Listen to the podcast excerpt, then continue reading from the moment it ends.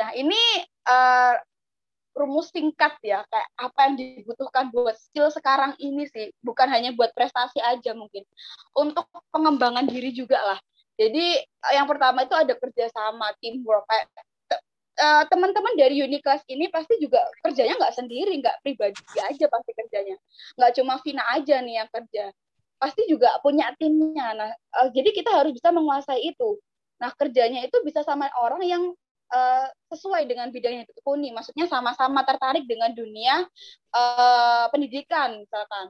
Lalu yang kedua lintas bidang yang aku bilang tadi, misalkan teman-teman dari kesehatan masyarakat berkoordinasi dengan teman-teman dari uh, ilmu komunikasi, dari keperawatan untuk uh, suatu proyek kayak gitu. Nah ini berhubungan dengan memiliki tujuan yang sama, misalkan tujuannya ingin meratakan pendidikan atau kalau dalam hal prestasi nih tujuannya adalah ingin mengoptimalkan kemampuan, mencari pengalaman, mengembangkan ilmu kayak gitu. Jadi tujuannya itu harus sama dulu. Kalau kamu punya kelompok yang tujuannya nggak sama, akan pecah di tengah jalan itu pasti.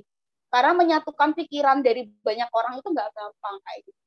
Lalu yang keempat adalah mengembangkan kemampuan koordinasi. Ini benar-benar dibutuhin sih, karena nanti balik lagi ya ketika kuliah pasti teman-teman di sini sudah menjalankan kayak FGD, SGD dan lain-lain gitu kan. Dan itu perlu kayak koordinasi gitu kan. Nanti pun kalau kalian uh, mau daftar beasiswa juga itu pasti ada kayak teknik FGD juga. Di mana kayak tiba-tiba ditunjuk jadi leader. Uh, tiba-tiba ditunjuk jadi apa kayak gitu.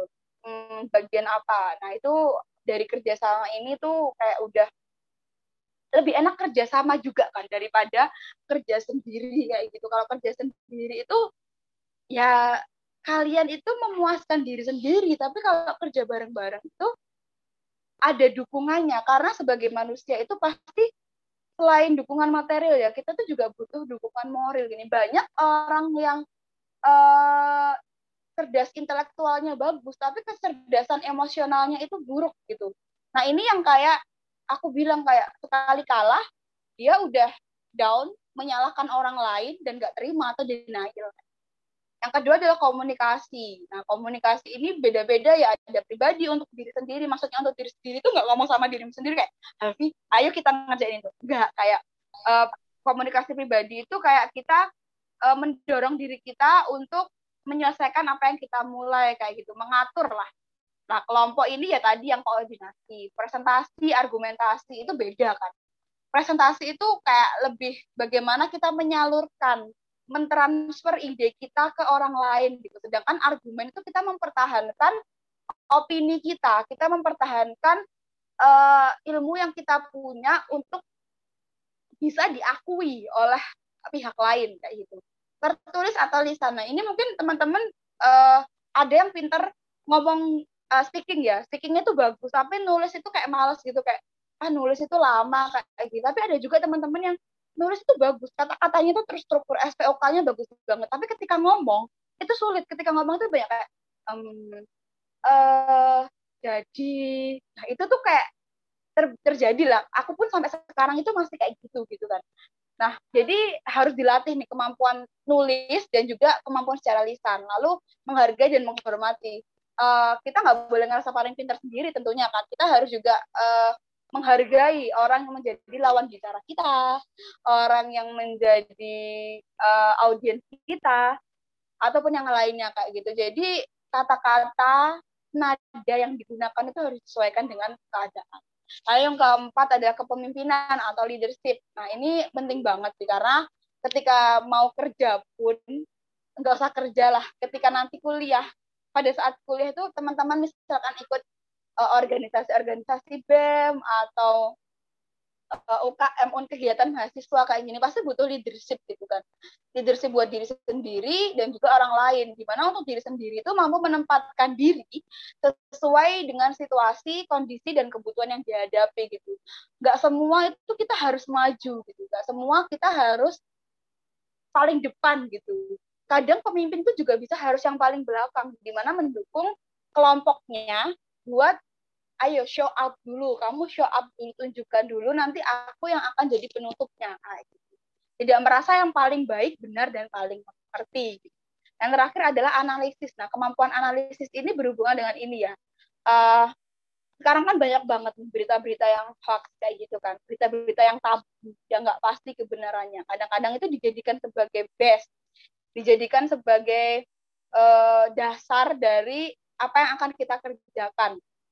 Itu kayak rawan banget gitu loh. Kalian sebagai siswa ataupun mahasiswa yang istilahnya adalah memiliki pendidikan dan pengetahuan jadi harus meluruskan itu. Jadi harus mengikuti perkembangan isu yang ada. Uh, aku sih kayak kayak orang yang eh, nggak uh, terlalu mengikuti apa yang sedang tren sekarang gitu ya aku sebenarnya. Cuma aku tuh suka ini kayak hmm, baca menganalisis dengan cara sendiri. Uh, mungkin uh, kayak Ari lah. Ari Ari aku udah temenan sama Ari lumayan lama juga ya. Mungkin Ari juga tahu kalau aku kadang-kadang di IG ku itu kayak Eh, di storyku itu aku bikin kayak misalkan ada fenomena nih nikah muda. Nah, aku akan analisis itu. Sebenarnya nikah muda di Indonesia itu kayak gimana.